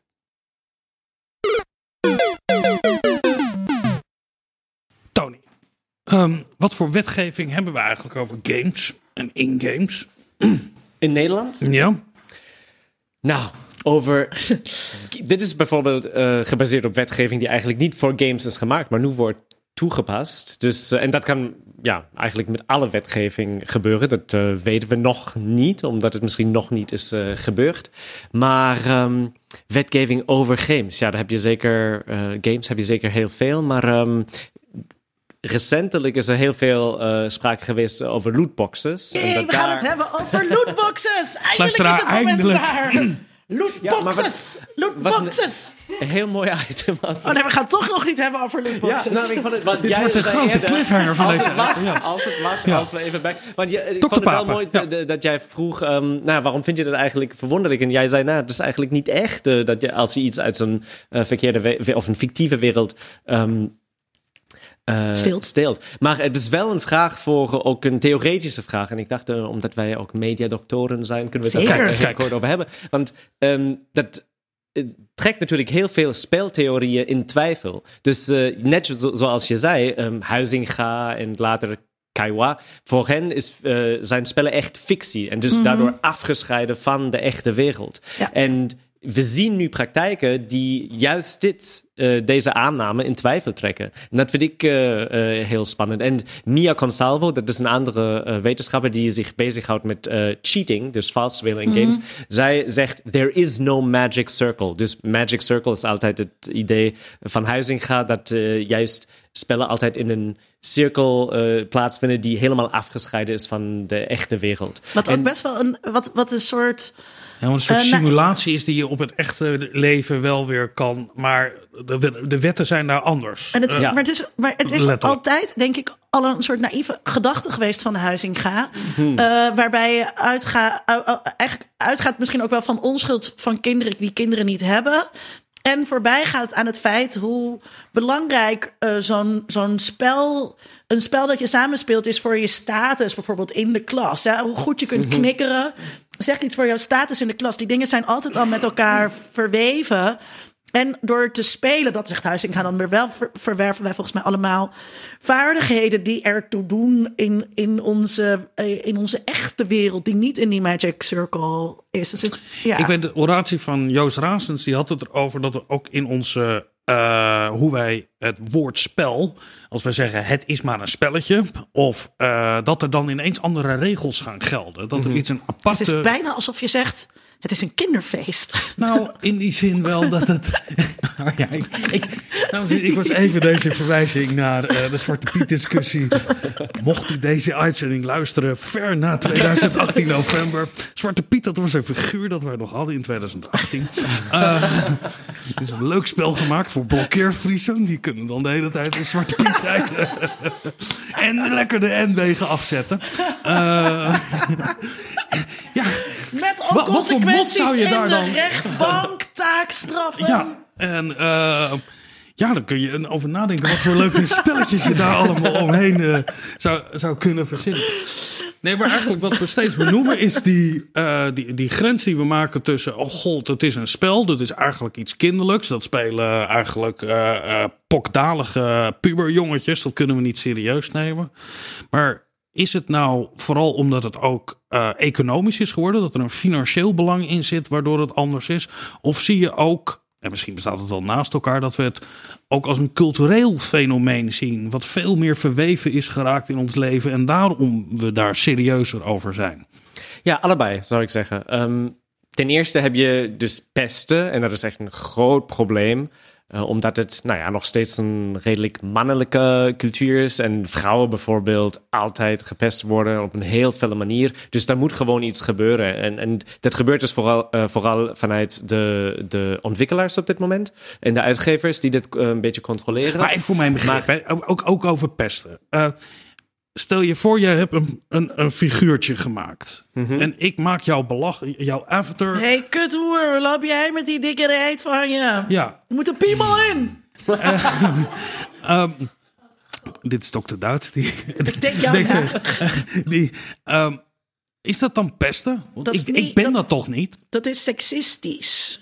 Ja, maar kan je seksistisch zijn als je zegt: ik, ik speel in een spel en ik, ik ben een soort griffioen met gekke vleugels. En ik zeg: oh, wat heb jij uh, lelijke dikke vleugels? Uh, waar, is er niet zoiets voor pesten dat, het, dat je het in de werkelijkheid ook moet zijn?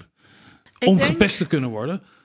Als ik seksistisch benaderd op word terwijl ik een vrouw speel in Second Life. Nee, op het moment dat ik met jou een in een. eh, man, of daar wil ik dan vanaf zijn. Op Maar het moment dat ik met jou in een team aan het spelen ben, in zo'n, in zo'n game.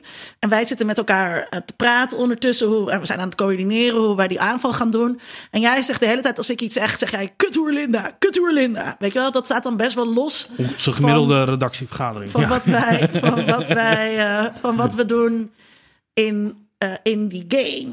Ja. Snap je? Dus dat is gewoon de sociale interactie. Net als waarom het mijn broer gewoon klootzak was als hij me weer wegduwde van de, van de computer. Maar ik gewoon nog tijd had om te mogen Maar spelen. speel je in een, als je in een Maar wat chat, jij bedoelt nee, maar als je in een chat, nee, als je in een chatomgeving zit en jij bent eh, de Great Emperor, eh, eh, Linda? gewoon Great nee. Emperor Linda. Zo kan je Ja, gewoon jij, noemt jezelf Great Emperor Linda en ik spreek jou aan in een chatomgeving. en Ik zeg Great Emperor Linda is gewoon een kutwijf.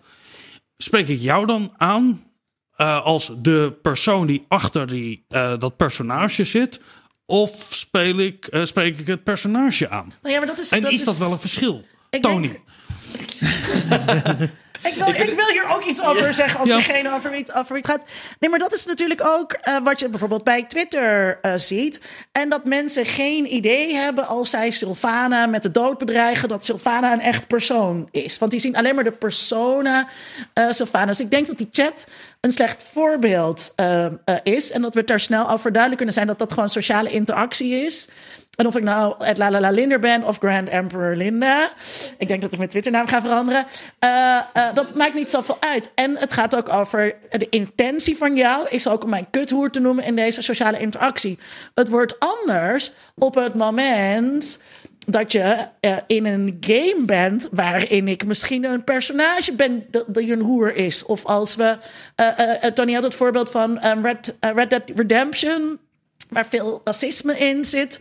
Dat zit in het spel. Misschien kan jij daarop doorpraten. Ja, nou, als voorbeeld, eh, dat, dat zag ik eh, een paar dagen geleden ehm, in het nieuws, dat eh, er iemand in Red Dead Redemption 2 eh, een suffragette, dat is ook een mooi voorbeeld. Een kuthoer. passend voorbeeld, ja. Heeft Een vermoord, feminist, een Ja. feminist die voor on, stemrecht eh, onaangepaste de- in vrouwen uit het begin van 19e eeuw. de...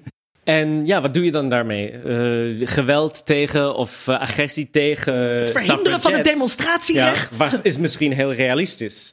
Eh, dus hoe ga je daarmee om? Nou ja, eh, op YouTube werd het eerst verbannen ehm, en dan weer toegelaten. Dus is ook weer de discussie over vrije meningsuiting en doen wat je... Als ik een cowboy was, maar dat, dat, dat, maar als dat ik lijkt me duidelijk. Ik zou ik- dat neerschieten net als ik die baby neerschiet. Nee, maar als ik En- een van de SS-officier in een spel ben, uh, Kunta Hupplepup, en iemand zegt tegen mij, wat ben jij een rotnatie? Ik zou willen dat je dood bent. Uh, Is dat dan een uh, pesten of bedreiging? Of is dat iets wat je in het spel zegt tegen degene in de context van de vroege jaren 40? Ik denk dat dat in de context van het spel is. En je moet dus ook kijken naar wat, wat eh, wat, wat zijn de affordances van zo'n spel? Wat is er mogelijk binnen een spel? Wat is de context van het spel? Ja, en als jij een nazi-personage speelt en iemand, iemand noemt jou nazi, dat is dan ook niet echt lullig of zo, want je bent een nazi. Net als als ik een hoer speel in het Wilde Westen, ja, dan ben ik een sekswerker. En dan is dat.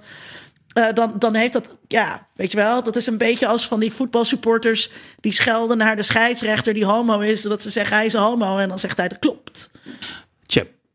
Had het over lootboxes. Lootboxes. Eh, die zei, oh ja, dan pak je hem uit en dan komt er een leuk geluidje. Ik moet heel erg denken aan die gokhal op die zondagavond dat ik ooit de hele avond had gewerkt voor. Ik, ik wil elke uitzending het hebben over een bijbaantje voor mij. Eh, als, ik, Luisteraar, pakt u de ondermedia de bingo erbij. kaart erbij. Ik had een keer zes uur staan af te wassen. Dan had ik 36 gulden verdiend. En Waar werkte je toen, Vincent? bij Grillroom de Krokodil in Bergen. Waar ze de eh, bakjes kruidenboter hadden. En die kwamen terug van tafel. Mijn taak was om de bovenkant er een beetje af te halen. En er opnieuw een toefje op te doen. Een kwaliteitsschil was dit. Ja, echt heel vies. Ehm, maar eh, ik hoop niet dat ik nu een... volgens mij bestaan ze niet meer. Ehm, Dat mogen we hopen. Ik ging gokken met die 36 gulden. En er kwamen ook een heleboel leuke geluidjes uit eh, dat apparaat. Nou, ik hoef niet een, een, om, een, om een heel treurige avond nog treuriger eh, te... Ik was na een half uur al mijn geld kwijt en had de hele dag gewerkt voor niks. Ehm, die lootboxes, als je van tevoren niet weet wat je krijgt... en er komen allemaal leuke geluidjes uit. Ja, Is dat eigenlijk niet gewoon een kansspel? dat hangt ervan af. En dat hangt eh, precies ervan af of je die items die je krijgt kan doorverhandelen. In Nederland tenminste. Dus in Nederland zijn lootboxes nu illegaal sinds dit jaar. Als Omdat je- het als kansspel wordt gezien. Ja, maar het wordt alleen als kansspel gezien. Maar ik, ik snap het niet, want ik ken een lootbox toch gewoon van dat ik door een gamewereld loop en dan kom ik een, een, een, op een plek en dan doe ik een kluisje open en dan zit er toevallig iets in en dan heb je loot. Maar dat is niet waar dit over gaat. Nee. D- dit zijn een soort van beloningen die je kan krijgen als je heel lang speelt. Of die je dan kan kopen. Ehm, zoals Cem beschreef. Ja, ik eh, besteed er 5 euro aan en dan krijg je vijf kist, ja, kistjes, zo, lootboxes. eh. Maar je weet van tevoren niet wat je krijgt. je, krijgt niet, je weet niet wat je krijgt. Maar eh, dat is nog geen kansspel. eh, volgens eh, het Nederlandse wet. Dus eh, je besteedt er iets aan iets en wat je krijgt is toevallig bepaald. Er zit een toffe Ehm, skin in en een leuk ja. mes en een paar coins. is nog geen kansspel volgens mij. In, eh, eh, om even de redenering Ja, want als je van naar de Lush wet- gaat, kan je ook een cadeaubox kopen met hele vieze stinkzeepjes. Maar Moet je weet van sowieso tevoren nooit naar helemaal Lush gaan. Nee, het er is een hele grote boog omheen. Ja, vind ik maar, echt goor. ja, het is echt Echt vies. goor. Ja. Waar begin je nou over? Nou ja, omdat ik weet dat je daar van zo'n doos kan kopen voor een x-bedrag. En dan weet je niet wat erin zit. Maar je kan het wel ruiken. Ja. Ja, maar bijvoorbeeld wanneer jij eh, naar, nou ja, naar de casino gaat en met je 36 gulden eh, gaat spelen, dan wil je wel meer geld verdienen. Dat was wel het de plan. Tony. Ja, En ik wil... dat is bij veel bo- lootboxes niet het geval. Je koopt het en je weet gewoon niet wat erin zit, maar je krijgt iets. Het wordt kansspel in Nederland, wordt het pas kansspel als je dit toevallig bepaalde, deze, deze goederen weer kan doorverkopen om meer geld te verdienen. Dus je hebt een inzet van 5 euro en die dingen die je krijgt, kan je dan misschien voor 20 euro doorverkopen. Of misschien voor 2 euro. En dan heb je geld verloren als eh, die dingen niet waard zijn. En daarom is het dan kansspel. Je zegt in Nederland is dat, is dat eh, sinds kort eh, verboden. Maar hoe, hoe doen ze dat dan? Wat is er dan precies verboden? Dat Juist, doorverkopen? juist het doorverkopen. Ja. Dus, eh, Oh, je ehm, mag het wel kopen, maar niet doorverkopen. Ja. Oh. Eh, dus eh, Steam bijvoorbeeld heeft juist deze functie uitgeschakeld. Niet de lootboxes zelf, maar alleen de functie die het eh, mogelijk maakt om die lootboxes of de items die binnen de lootboxes zitten door te verkopen. Maar want eh, het lijkt me dan dat dat soort, dat soort games moeten dan dus verboden worden. Nee, het wordt alleen de, de functie Oké, ehm, die wordt uitgezet. Dus eh, Steam heeft het voor Counter-Strike, die ook door Cem wordt, eh, werd benoemd. Counter-Strike Go en voor Do- Dota 2 is een ander groot... eh, Want je kan daar niet op handhaven. Want dat is ook een ander probleem natuurlijk met, met games en strafrecht. Je kan niet gaan handhaven wat iedere gamer thuis zit te doen. Nee. Opeens denk ik aan boerka's over handhaven en strafrecht. Maar dat is misschien een hele Je wilde zit wel heel erg associatie. op de actualiteit. En Ja. dat doen we eigenlijk niet, Vincent. Nee, nou, jij begon erover met je Ik had het over een heel tijdloze discussie. Ja, we hebben ook al kerstlampjes hangen, terwijl het, Nee, gewoon, het terwijl het gewoon april is. Je kan het Ja. niet handhaven, maar je kan het gewoon uitschakelen zodat het niet meer mogelijk is om dit Dus eh, te vanuit de dat- wetgever wordt eigenlijk gezegd: deze functie moet uitgeschakeld zijn. Ja. ja. Nou, daar zijn ze natuurlijk niet blij mee, want daar is een van hun verdienmodellen minder aantrekkelijk voor de spelers, die juist erop eh, mikken dat ze het kunnen, kunnen doorverkopen. En dat is voor, zo'n, voor een game is dat vervolgens weer. Dus je zult zien dat die games zich nou vervolgens weer gaan zelf censureren in zekere zin. Dus gaan zelf reguleren. Eh, en dat, dat willen ze dat, dat die lootbox functie er dus uit zal gaan waarschijnlijk. Ja, of, heel, op een heel beperkte manier dan nog eh, doorgaat. Ja. En dat is natuurlijk ook al bij eh, Battlefield 2, Battlefront 2, Star Wars Battlefront 2 gebeurd. Omdat er zoveel, ehm, nou ja, zoveel klachten kwamen van de fans, heeft de ontwikkelaar zelf gezegd: Oké, wij moeten hier iets veranderen, ehm, omdat, wij, omdat gewoon niemand het spel heeft gekocht. Ik zie in één keer een film vormen van een soort eh mafiosi die dan in die gamewereld zitten, weet je wel. En dat het dan niet eh, de jaren twintig is. En ze zeggen, we gaan weet je, Vegas en Atlantic City opzetten. Ik heb een slim verdienmodel met het casino. Maar dat je dus een paar van die tech jongens hebt. En die zeggen dan op zo'n met een Italiaans accent van, weet je, ik heb een mooi verdienmodel bedacht. We gaan gokken in games brengen.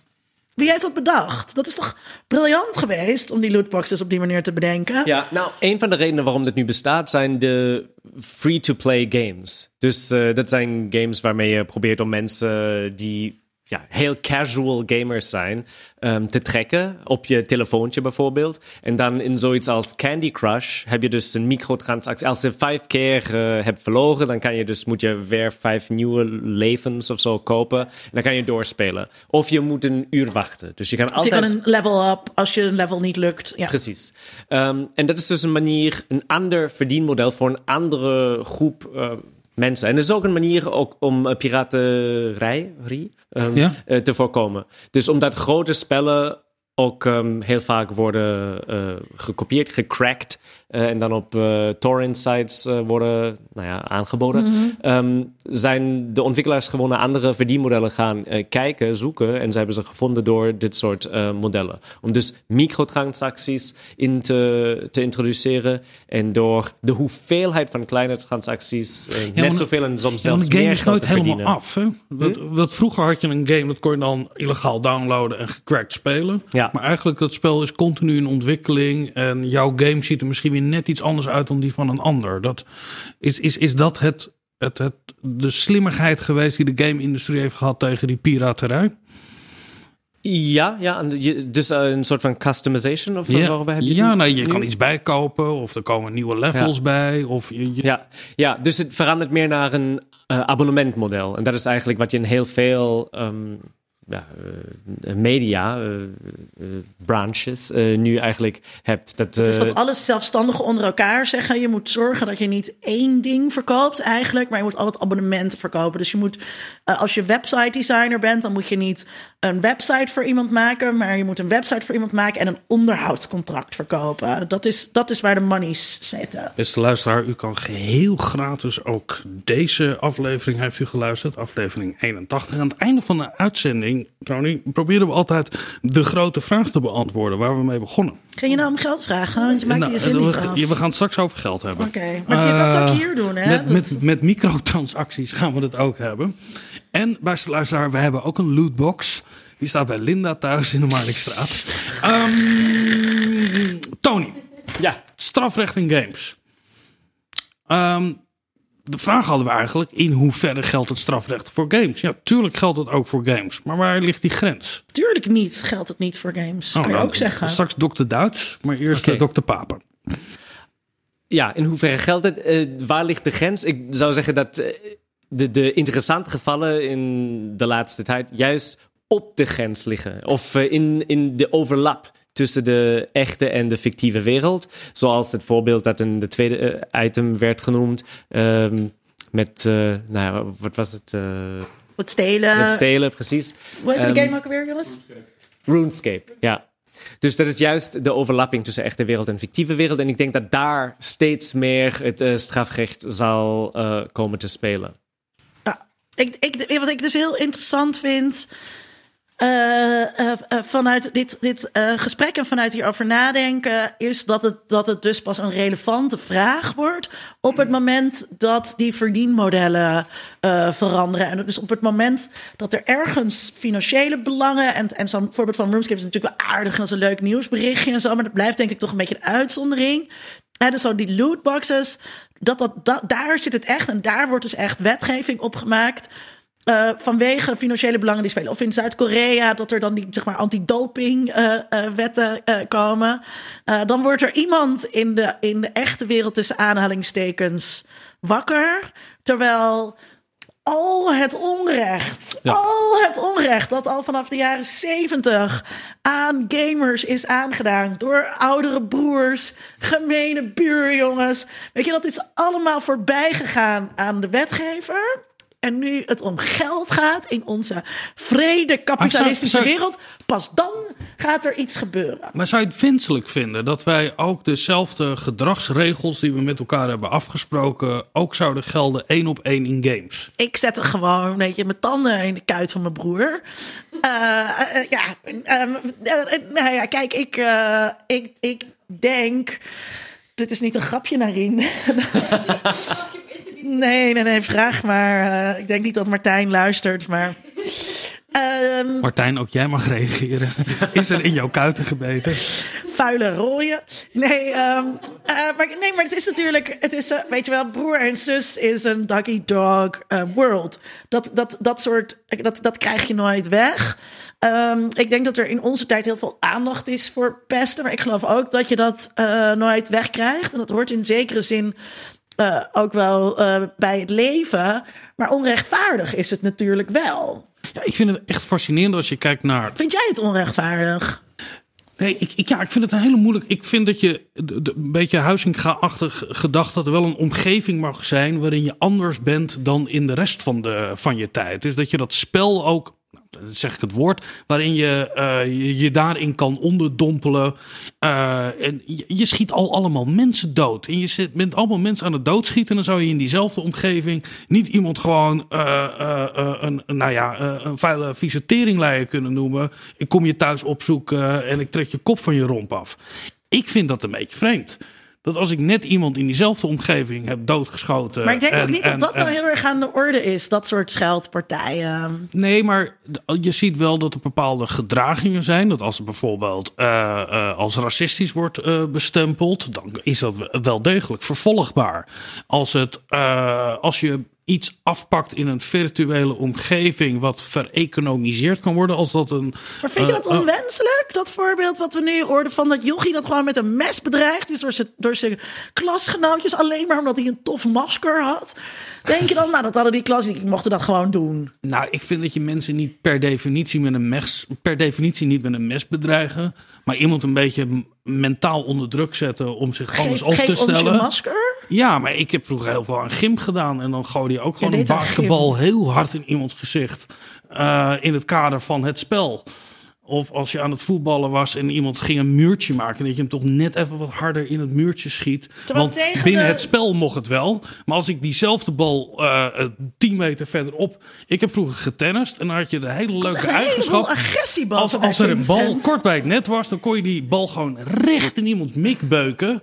Zolang het maar een onderdeel van de rally was. Deed je dat na de rally, wat één seconde daarna was. En je, ik doe, maak nu een beweging alsof ik een tennisbal heel hard tegen Tony aansla. Dan mag het niet. Ik vind het een beetje intimiderend dit Ja, dan. maar je ziet het toch ook bij voetbal. Dat je mag iemand heel hard onderuit schoppen. Als je precies hetzelfde doet na het fluitsignaal. Dan is het veel strafbaarder dan als je het tijdens het spel doet.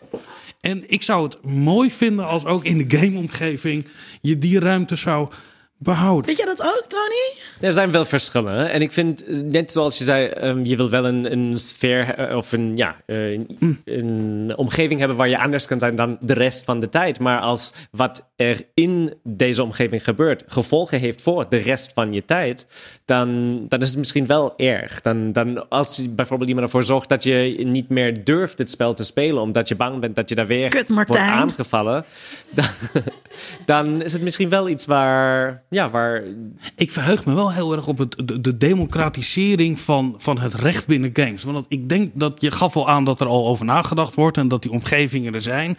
Of dat er een soort volkstribunaal ontstaat, hè, de people versus, eh, die dan gaan zeggen, ja, deze speler moet geband worden of dit moet de straf zijn en dat je er tegen in beroep kan. En dat dat eigenlijk een hele nieuwe gameomgeving wordt die naast die andere gameomgeving bestaat. Ik vind dus inderdaad, zeg maar, dat ik tijdens de uitzending een paar keer die parallel had met de, met de middeleeuwen. Ik denk wel dat er hier inderdaad een soort van eh, burgerlijke democratische revoluties eh, eh, gaan komen. Waar, waarin er naar andere, de trias politica, politica gaat, gaat komen. Een hoge rechtshof. Eh, ik denk wel dat dat ontwikkelingen zijn. Maar misschien is dat ook weer lineair verlichtingsdenken. Beste luisteraar, dit was aflevering 81 van Onder Media Doctoren. Eh, u kunt niets bij ontkopen. Nou ja, we hebben wat stickers. Maar we vinden het wel heel erg leuk als u ons sponsort met een microtransactie via Patreon. Tony heeft nu ook de sticker gezien en die fluistert nu in mijn misschien oor. onze- Mag ik die ook kopen? Misschien ja, Tony, we- ook jij mag stickers Misschien kopen. moeten we echt de originele eh onder mediadoktoren zeepflessen ook gaan, gaan als loot aanbieden. Nou, voor, de, voor degene die de juiste verklaring kan geven eh, waarom hier een fles zeep staat in het programma Onder Mediadoktoren, eh die krijgt het recht om het te kopen. Ehm, wilt u hier meer informatie over hebben? Het recht om Kijk even- dan op de website http www.ondermediadoktoren.nl Eh, U kunt ons ook sponsoren. Dat doe ik zelf ook. Ik sponsor mijn eigen programma, dat is heel leuk. En Tony zegt, ja, ik vond het hier zo gezellig. Ik ga jullie zeker de komende vijf jaar sponsoren via Patreon. Eh, maar dat doe je ook door een aardige of een onaardige, maar Nee, iets... nee, je alleen maar aardige. aardig. Ja, want anders dan hebben we er geen profijt van. Oh ja, Eh, nou laat. Nou, je mag wel iets lelijk zeggen, maar wel vijf sterren op iTunes. Dat maakt, Dat maakt niet uit. Ja, dus heeft u altijd wel eens Misschien iets, ook vals spelen. Hoort u ook bij de vele mensen die graag een keer iets lelijks wil zeggen tegen Linda? Doe dat, maar geef wel vijf sterren bij. Misschien Eh, lezen we het dan wel voor in de volgende uitzending. De redactie van deze aflevering eh, was Tom Aalmoes, Zona Arslan, Narien Ismail, Frederik Tijlers en Linda Duits. En ik was er, Vincent Kronen. Heel veel dank aan Tony Papen dat je er was. Eh, over jullie. twee weken hebben we weer een nieuwe aflevering. En dan gaan we het hebben over journalistiek en statistiek. Dat ruimt. Tot dan. Tot dan. Bedankt.